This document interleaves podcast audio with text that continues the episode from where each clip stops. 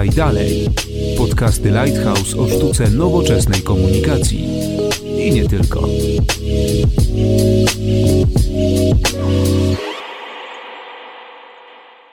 Dzień dobry, Konrad Domański. Zapraszam na 19 odcinek podcastu Lighthouse Podaj Dalej, w którym porozmawiamy i przeanalizujemy przyzwyczajenia żywieniowe Polaków. Zastanowimy się nad tym, jak żywienie przykłada się na naszą kondycję zdrowotną, kondycję psychiczną, ale też e, myślę, że będzie okazja, by przedstawić kilka interesujących wniosków z raportu spółek Danon Planeta Zdrowie przyszłość. Moimi i waszymi gośćmi będą dzisiaj profesor Janusz Czapiński, psycholog społeczny, a jednocześnie opiekun merytoryczny wspomnianego raportu.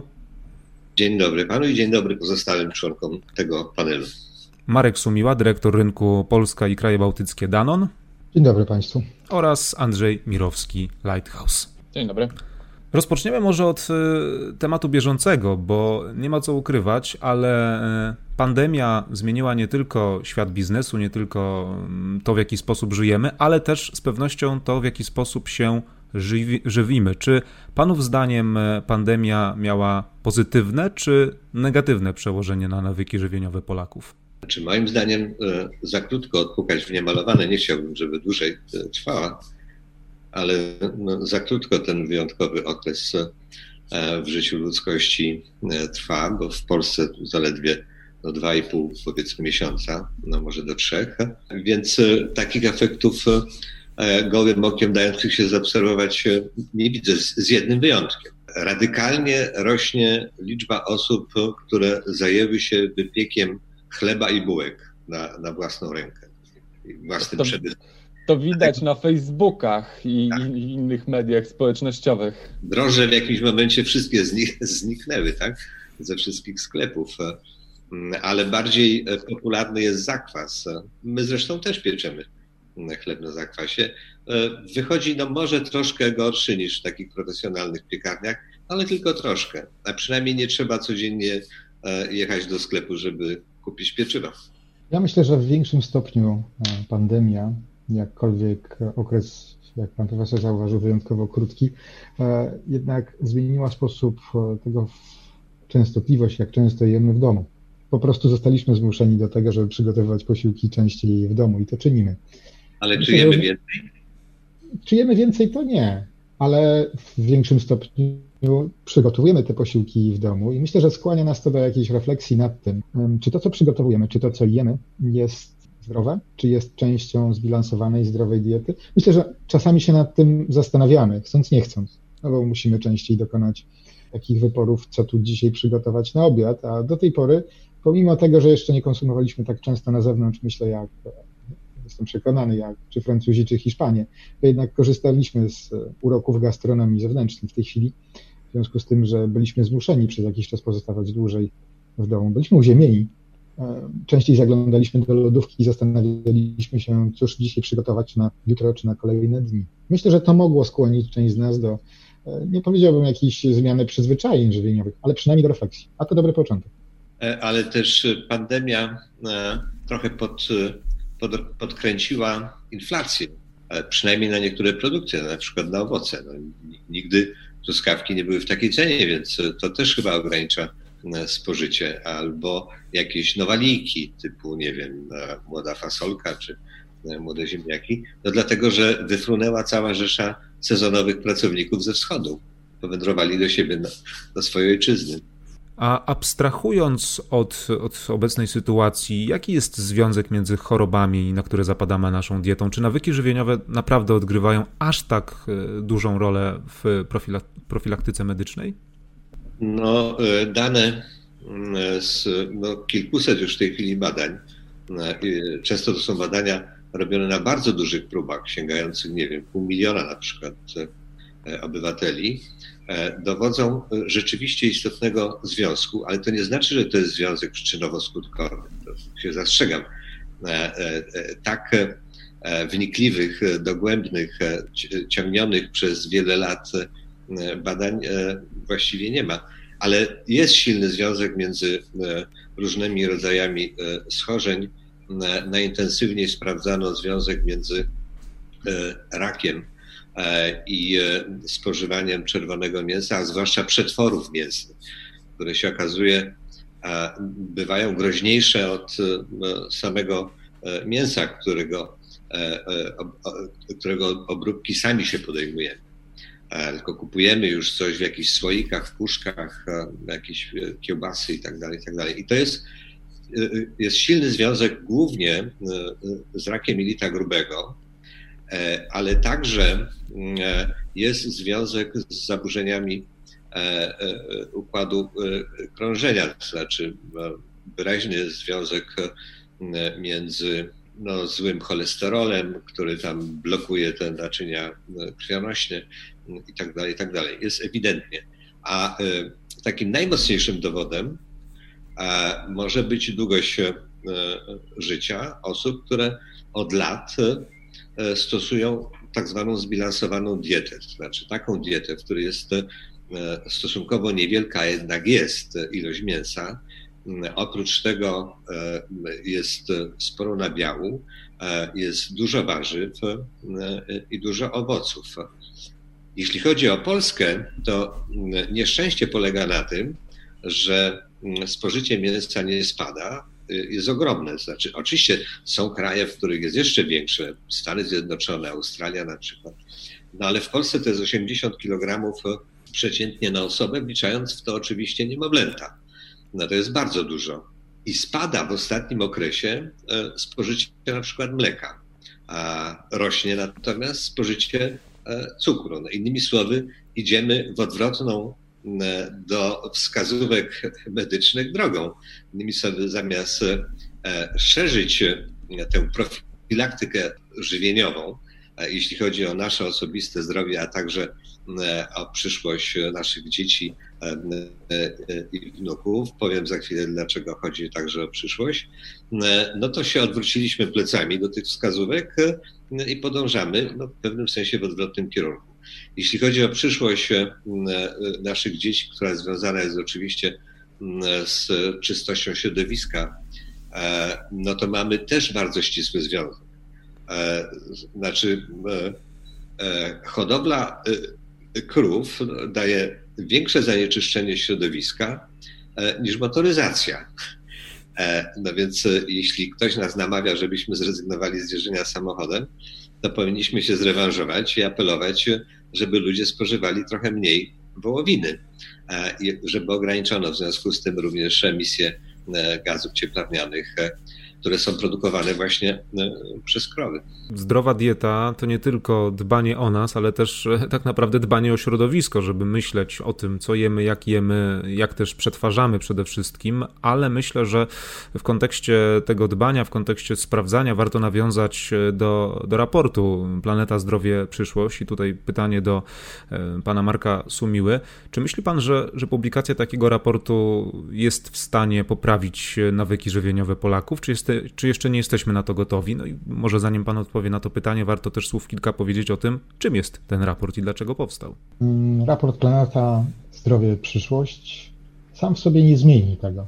Natomiast wydaje mi się, że może być jednym z e, czynników, które sprowokują publiczną debatę, dyskusję na temat tego, mm, jak ważna jest jak ważne jest zdrowie, które mamy tylko jedno, i planeta, której też nie mamy zapasowej póki co, mm, dla naszej przyszłości, dla przyszłości nas i naszych dzieci, naszych wnuków. Także traktujemy to jako mm, początek dyskusji. Mm, kontekst COVID-u być może jest też dobrym momentem do e, takiej chwili refleksji, otwarcia podobnej, tworzenia podobnej dyskusji, nie tylko pomiędzy nami, jak sobie to dzisiaj w tym gronie tutaj czynimy, ale w nieco szerszym kontekście odpowiedzialności nas wszystkich, w tym nas jako firmy, producenta, za przyszłość, planetę, zdrowie Polaków i tego, w jaki sposób możemy się przyczyniać. My widzimy swoją rolę, dlatego chcemy e, rozpocząć dyskusję, kontrybuować przez e, kształtowanie, współtworzenie czy wpływanie e, pewnych, na pewne nawyki Polaków, przedstawiając też ofertę coraz zdrowszych produktów, które są w coraz większym stopniu odpowiedzią na potrzeby żywieniowe Polaków. Właśnie, to może w tym, w tym kontekście ja bym chciał e, dwa słowa, bo e, mamy, mamy tutaj e, stronę biznesu, mamy stronę, że tak powiem, e, ekspertów, intelektualistów, którą reprezentuje pan profesor. A ja chciałem zapytać o rolę mediów, bo tak naprawdę ten raport w dużej mierze pokazuje to, e, w jaki sposób ta kondycja zdrowotna ludzi jest pokazywana przez media. I, i tak chciałem, chciałem panów, panów zapytać, czy, czy tu widzicie, czy te media się wywiązują z tej edukacyjnej roli, ponieważ w raporcie przeanalizowano bardzo dużo um, informacji i bardzo dużo materiałów odnoszących się do właśnie do zdrowego żywienia, do nawyków i tak dalej. I, i czy okazuje się, że y, te media czasami są bardzo pożyteczne, ale czasami niestety e, pokazują e, społeczeństwu e, te ścieżki, które nie do końca mogą wpływać pozytywnie na nasze życie. Tak naprawdę w ogóle nie, nie dostrzegam jakiejś takiej medialnej kampanii. Znaczy to tak jakby właścicielom tych poszczególnych środków masowego przekazu, a także i dziennikarzom, którzy tak tam pracują, niespecjalnie zależało na tym, żeby Polacy byli coraz zdrowsi, coraz bardziej szczęśliwi. Mówię o byciu bardziej szczęśliwym, ponieważ z moich badań, z diagnozy społecznej wynika, że zmiana diety przeciętnego Polaka, myśmy mieli badania panelowe, to znaczy pytaliśmy co dwa lata tych samych ludzi o to, co się w ich życiu wydarzyło, co jedzą i tak dalej, i tak dalej, jak są szczęśliwi, że zmiana diety na taką bardziej śródziemnomorską, czyli e, z mniejszą ilością mięsa, zwłaszcza mięsa przetworzonego, a z większą ilością e, warzyw, e, frutti di mare i, i owoców, po czterech latach radykalnie zwiększała zadowolenie z życia i poczucie szczęścia. I co więcej, dieta okazała się a obok uprawiania jakiegokolwiek sportu. E, no i o, o, e, oprócz, obok rzucania na przykład e, niezdrowych, uzależniających rzeczy typu papierosy czy nadmierne picie alkoholu, ważniejszym dla przewidywania, jak się ludzie czują, na ile uskarżają się symptomów fizycznych oraz czy są szczęśliwi, czy nie, okazała się E, lepszym e, prognostykiem niż pieniądze. To znaczy, jak komuś rosły dochody, to to w mniejszym stopniu poprawiało jego dobrostan psychiczny i, i fizyczny niż e, zmiana diety. Więc to jest niesamowicie, bo wspomnialiście panowie o tych trzech elementach projektu spółek Danon. Planeta, zdrowie i przyszłość. Znaczy, Moim zdaniem e, dieta jest tym e, wspólnym ogniwem łączącym te, e, te trzy elementy. Niewątpliwie. Oprócz oczywiście bardzo wielu jeszcze uwarunkowanych, a niezbyt sprzyjających planecie i niezbyt sprzyjających zdrowiu elementów, no takich jak uwielbienie podróży, podróżowania samolotami na przykład. Szereg można wymienić, ale niewątpliwie jednym z ważniejszych elementów łączących te trzy E, te trzy wartości, bo to są tak naprawdę wartości. W każdej kulturze niewątpliwie e, te wartości są cenione. E, znaczy, jednym z ważniejszych ogniw jest właśnie to, jak się odżywiamy i czy inwestujemy we właściwe odżywianie, bo niewątpliwie to nie jest tak, że taka zbilansowana dieta musi być tańsza od takiej niezbilansowanej diety, w, w której jest masa mięcha i przetworów mięsnych. To jest y, w sumie bardzo ciekawe, co Pan mówi, bo e, chyba mało kto z nas postrzega właśnie tą e, zbilansowaną dietę i zdrowe odżywianie jako inwestycje tak naprawdę w przyszłość. Wszyscy myślą tylko inwestycja to pieniądze, nieruchomości, ziemia, e, a, a okazuje się, że z, z raportu wynika, że właśnie ta zbilansowana dieta to jest inwestycja każdego w nas, z nas w, e, w lepszą przyszłość. No i w lepszą przyszłość dzieci, jeśli je mamy, i wnuków. Jeszcze odnoszę się, odniosę się na chwilę do pytania mm, dotyczącego tego, w jaki sposób to w mediach jest przedstawiane. W mediach, myśmy przed w ramach przygotowania tego raportu, trwało dobrych kilka miesięcy, zostało przeanalizowane ponad 20 tysięcy wzmianek w internecie, zatem wzmianki są. Tych dokumentów zatem jest trochę. Czy zainteresowanie mediów e, tym tematem istnieje? Jest bardzo ograniczone. Oczywiście, że dużo lepiej traktowane przez media są wiadomości, które są bardziej, nie chciałbym powiedzieć negatywne, natomiast niezwiązane z budowaniem dobrostanu człowieka, czy populacji, czy planety, ale z tragicznymi zdarzeniami, które dzieją się wokół nas. I trudno się tak pozytywnym informacjom, czy informacjom, które są związane z edukacją e, nas wszystkich, e, przebić. Zatem myślę, dlatego ta inicjatywa dla mnie jest cenna i istotne jest to, byśmy gdzieś pozyskali także partnerów medialnych, tak żeby z taką informacją, mm, z debatą publiczną otworzyć więcej możliwości dla ludzi po to, żeby, po, po to, żeby poznali, jak istotne to jest dla ich, dla ich samych, dla ich przyszłości, dla ich dzieci. Ja bym się jednak poprawił, znaczy e, po, powiedziałem, że nie dostrzegam w ogóle takich e, kampanii, ale jedną rzecz dostrzegam. Na że ona nie jest e, w tych tradycyjnych mediach uprawiana, telewizja, nie wiem, radio, tylko w internecie, ponieważ jest coraz więcej stron, których autorzy czy twórcy zachęcają do zmiany diety na bardziej e, zrównoważoną. Ja mam trochę zastrzeżeń do niektórych takich stron, bo one od razu namawiają, żeby przejść na, no może nie od razu na weganizm, ale e, na taki absolutny wegetarianizm, to znaczy zero mięsa. To moim zdaniem e, kłóci się trochę z taką receptą zrównoważonej czy zbilansowanej diety. Mięso, mięso bardzo ograniczonej ilości, ale jednak tak, to znaczy wszystkiego, co czerpać możemy z nieprzetworzonego mięsa, nie da się w, pełni zastąpić tym, co możemy z roślin czerpać. Tutaj, tutaj profesor poruszył bardzo ciekawe zagadnienie tego, w jaki sposób y, portale internetowe, influencerzy przedstawiają zdrowe żywienie, które często naprawdę mija się, mija się z tym zbilansowanym dostarczaniem składników. No i to też jest problem, bo jeżeli y, z drugiej strony my zaczniemy wierzyć tylko i wyłącznie influencerom, o których się tak dużo teraz mówi, to możemy więcej szkody niż pożytku sobie wyrządzić tak naprawdę. Znaczy, moim zdaniem, dużej szkody sobie nie wyrządzimy, tylko też nie poprawimy ani swojej kondycji fizycznej, ani swojej kondycji mm, psychicznej, bo e, jeśli chodzi o dane z diagnozy społecznej, to okazało się, e, że najmniej szczęśliwi są weganie to też troszkę... Nie jest zrównoważona dieta, na pewno nie. Troszkę kilka minut wcześniej pan profesor odpowiedział na jedno z moich pytań, które planowałem zadać, a mianowicie co możemy zrobić, byśmy byli szczęśliwsi, no bo już wiemy, że nie wystarczy mieć więcej pieniędzy, tylko wystarczy lepiej się odżywiać, na przykład taką dietą śródziemnomorską, ale też nie zawsze złotą, złotym środkiem będzie przejście na całkowity weganizm.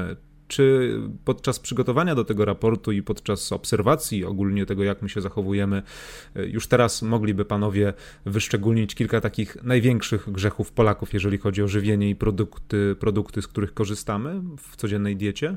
Pan profesor wspomniał już rzeczone mięsa.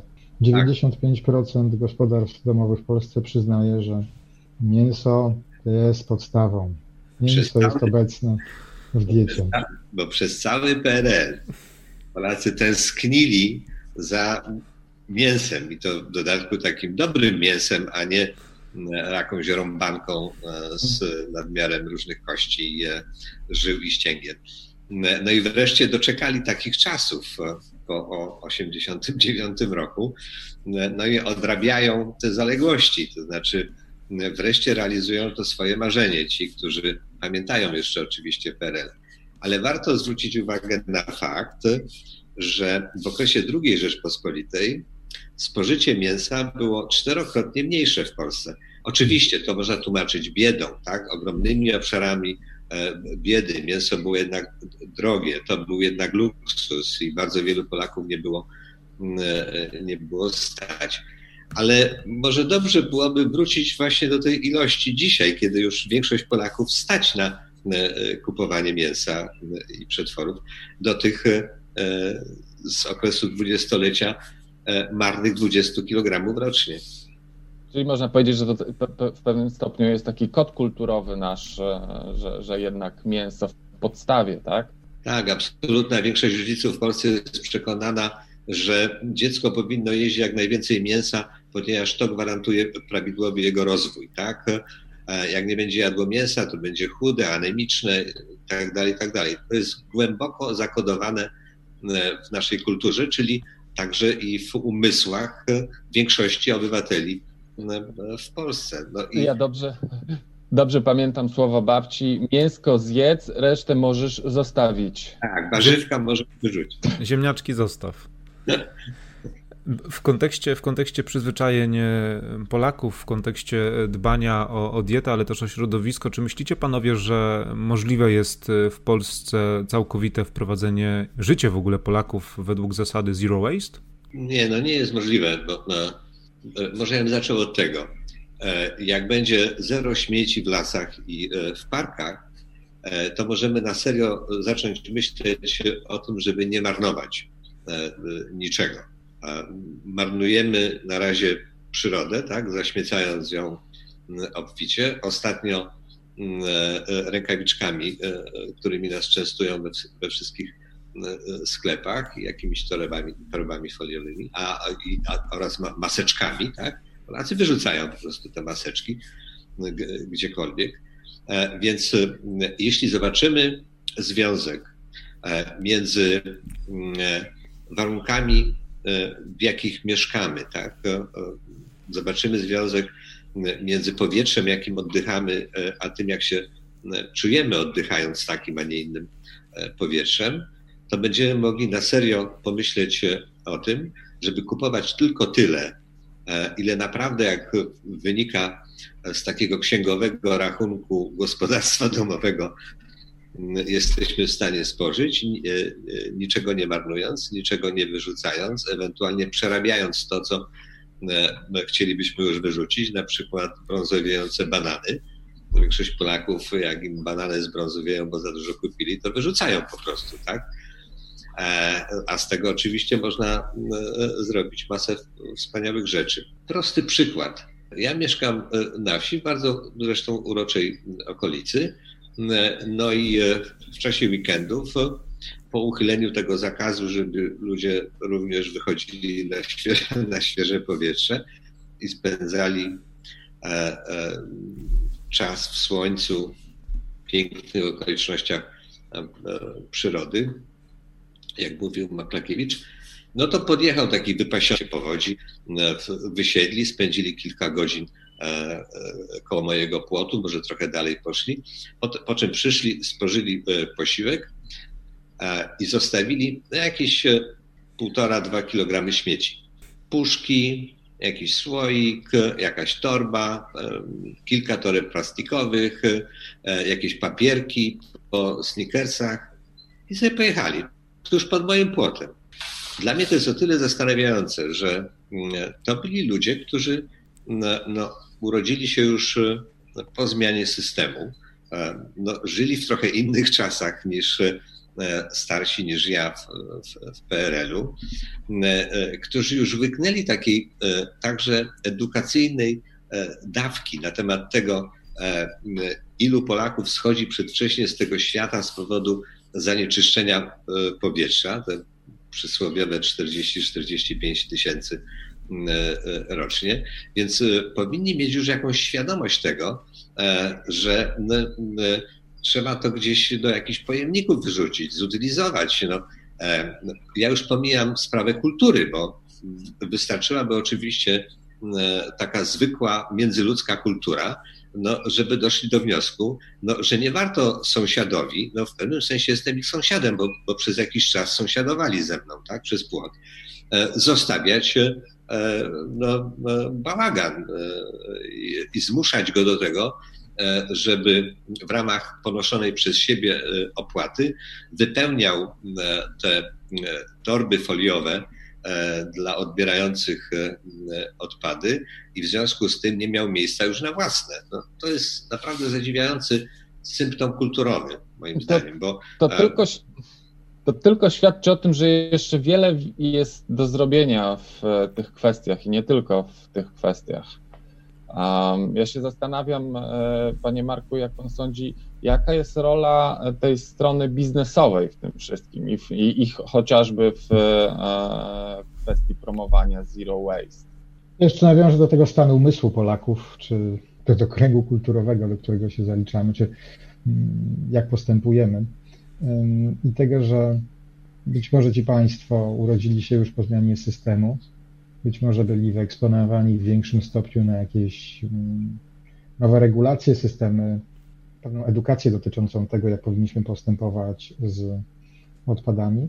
Natomiast ciągle 70 kilka procent, 75% Polaków deklarowało, że powinniśmy wszystkie plastikowe odpady segregować. Dużo mniejsza część czyni to na co dzień. Ciągle, jeżeli popatrzymy na to, ile wyrzucamy odpadów komunalnych albo ile żywności wyrzucamy, jest około 9 milionów ton rocznie. No przeliczmy to sobie. Jest około 230 kg e, osoby rocznie, a zatem 2 trzecie kilograma codziennie wyrzucamy tej żywności. Taka rodzina, średnio 3-4 osoby, 2-2,5 kg żywności dziennie, to jakby się mniej więcej do tego schodziło. Strasznie dużo, strasznie dużo. I to nie są tylko brązowe skórki od banana, ale pewnie także jabłuszko, które nie jest perfekcyjne i tak dalej. Można mnożyć pewnie. Także co my możemy zrobić jako biznes? Uświadamiać drogich rodaków, sami pracować nad tym, żeby nasza oferta była bardziej zdrowa, mniej wpływająca na środowisko i przez kampanie i edukacyjne, i reklamowe wpływać na zachowania konsumentów. Czasami trudno jest przekonać w Polsce konsumentów do tego, aby ograniczyć mm, ilość cukru w diecie. Jeżeli staramy się przygotować produkty, które będą miały jak najmniejszą jego ilość, po to, żeby pomóc Polakom ograniczać. Ograniczać to, mieć jak najbardziej zbilansowaną dietę. Nasze produkty mleczne wspomagają zwiększenie zawartości e, wapnia, ilości wapnia przyswajanego przez konsumentów. Produkujemy, proponujemy ofertę, która powinna ograniczyć, która ogranicza ilość e, cukru. Natomiast konsumenci często dokonują wyborów, które nie są w pełni, powiedziałbym, uzasadnione mm, racjonalnie. Tylko czasami coś lubię, to pomimo świadomości tego, że nie jest to najlepsze dla mojego zdrowia, to i tak wezmę to, co lubię. Chodzi głównie o takie stereotypy, które mamy w głowach. E, I jak idziemy na zakupy e, do jakiegoś, nie wiem, spożywczego e, sklepu, no to te stereotypy się w nas e, odzywają. I sięgamy tak impulsywnie e, po to, co nam się po prostu dobrze kojarzy, poprzez właśnie te e, stereotypy, bo powiedział Pan, że rzadko poddajemy refleksji taki problem jak co jeść, żeby zdrowo i długo żyć. No, większość Polaków w ogóle się nad tym absolutnie nie zastanawia tylko kieruje się czymś, co w skrócie można nazwać apetytem. A ten apetyt jest generowany przez to, czego doświadczaliśmy w dzieciństwie. E, jak nam babcia dużo tego mięsa wpychała, to wreszcie musieliśmy polubić, tak? jeśli kochaliśmy babcię. E, no i tak nam to zostało. E, innymi słowy, dobre skojarzenia z niektórymi produktami sprawiają, że nawet jeśli one są niezdrowe, E, to chętnie po nie sięgamy. No dlatego, że nie ma co nas powstrzymać przed takim sięgnięciem, bo na temat wyżywienia nie myślimy, tylko kierujemy się mm, apetytem, kierujemy się dobrymi skojarzeniami. Jak jabłuszko dobrze wygląda, to musi być smaczne. Mm, jak jest trochę przywiędnięte i w dodatku jeszcze ma jakąś dziurkę po robaku, no to na pewno jest do, do wyrzucenia. No właśnie. Jeszcze budując na tym, co pan profesor wspomniał, a w kontekście COVID-u jeszcze spędzamy mniej czasu w sklepie, bardziej się spieszymy, według różnych źródeł, 20% czasu mniej w tym sklepie, a zatem jeszcze w większym stopniu e, w trybie takiego autopilota. Te przyzwyczajenia jeszcze silniejsze, my mamy czasu jeszcze mniej i wrzucamy często jeszcze więcej, robiąc zakupy nieco rzadziej w tej chwili. Zatem czasami na zapas, zdecydowanie dobrze preferując produkty, które pamiętamy, być może z dzieciństwa, być może w związku z sentymentem, być może w związku z znajomością i zaufaniem do jakiejś marki.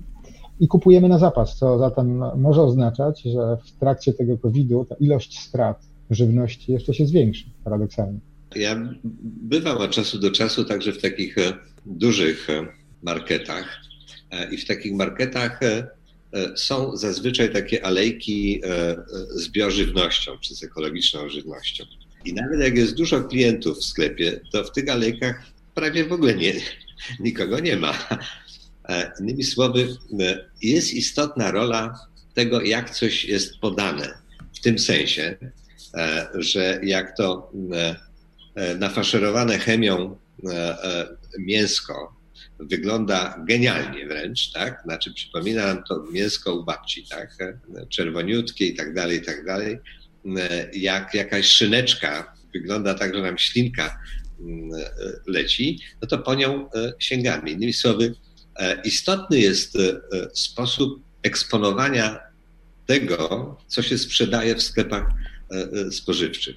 A oczywiście jest masa trików, żeby mm, no, sprawić wrażenie, że to, co sprzedawca czy producent oferuje, jest najlepsze pod słońcem, bo spełnia wszelkie kryteria wizualne tego, że musi być najlepszy. Ja myślę, że tutaj jest też, też duża rola naszych zachowań właśnie w sklepie. E, pytanie na przykład, czy panowie planują swoje zakupy E, ja od dłuższego czasu e, zauważyłem z, z, moją partnerką, że ja wpadam do sklepu i kupuję to, co wydaje mi się, że będzie potrzebne. To właśnie też generuje bardzo niepotrzebne zapasy. A moja partner, partnerka z kolei mówi: Zastanów się, co chcesz zjeść, zastanów się, co chcesz ugotować.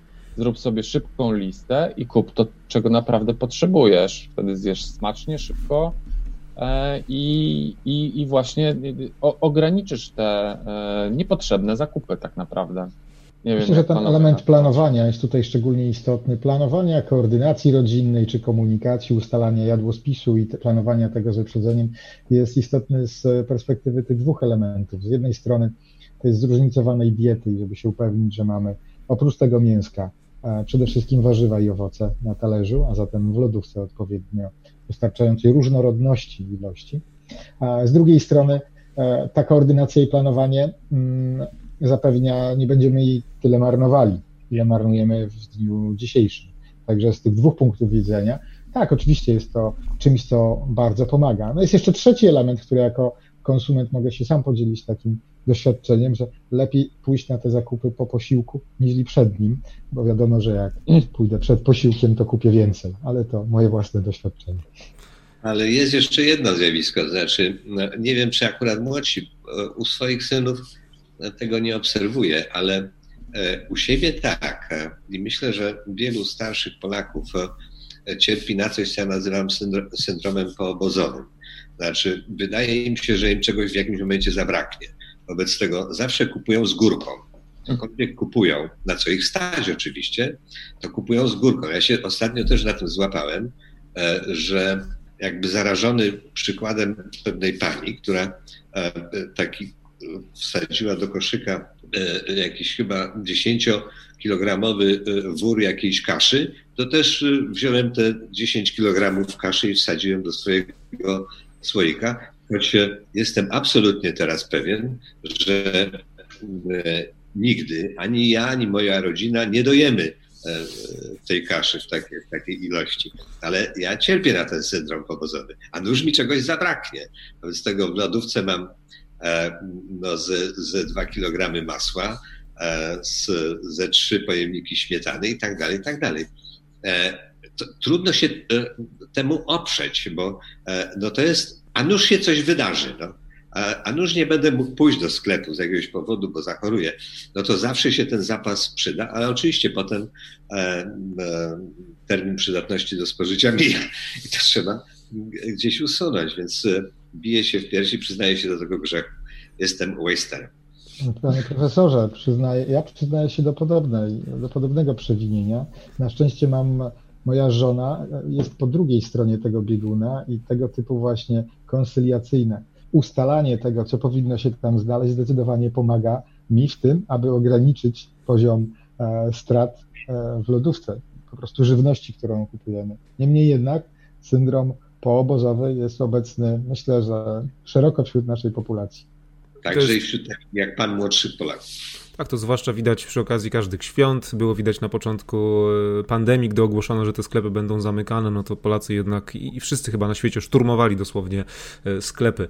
Drodzy, pamiętajmy o tym, żeby myśleć przede wszystkim o tym, co jemy, żeby zadbać e, też o, o, zakupy, by tych śmieci jednak nie kumulować, nie wyrzucać, bo jest to olbrzymi światowy problem i może my tego aż tak bardzo bezpośrednio nie odczujemy, chociaż odczuwamy, ale przyszłe pokolenia z pewnością to mogą mocno odczuć. Zachęcamy też jednocześnie do sprawdzenia raportu Danon Planeta Zdrowie Przyszłość. W opisie pod tym podcastem znajdziecie odnośnik do tego raportu, więc będziecie mogli sobie spokojnie przeczytać. Ja już dziękuję naszym gościom za dzisiejsze spotkanie. Byli z nami profesor Janusz Czapiński, psycholog społeczny, a jednocześnie opiekun merytoryczny wspomnianego raportu. Marek Sumiła, dyrektor. Dziękujemy. Marek Sumiła, dyrektor rynku Polska i kraje bałtyckie Danon. Dziękuję również serdecznie. Oraz Andrzej Mirowski z Lighthouse. Dziękuję serdecznie. Konrad Domański, dziękuję. To było 19. wydanie podcastu Lighthouse Podaj Dalej. Do usłyszenia w kolejnych odcinkach. Spodobał Ci się nasz podcast? Podaj dalej i śledź naszą stronę oraz kanały społecznościowe.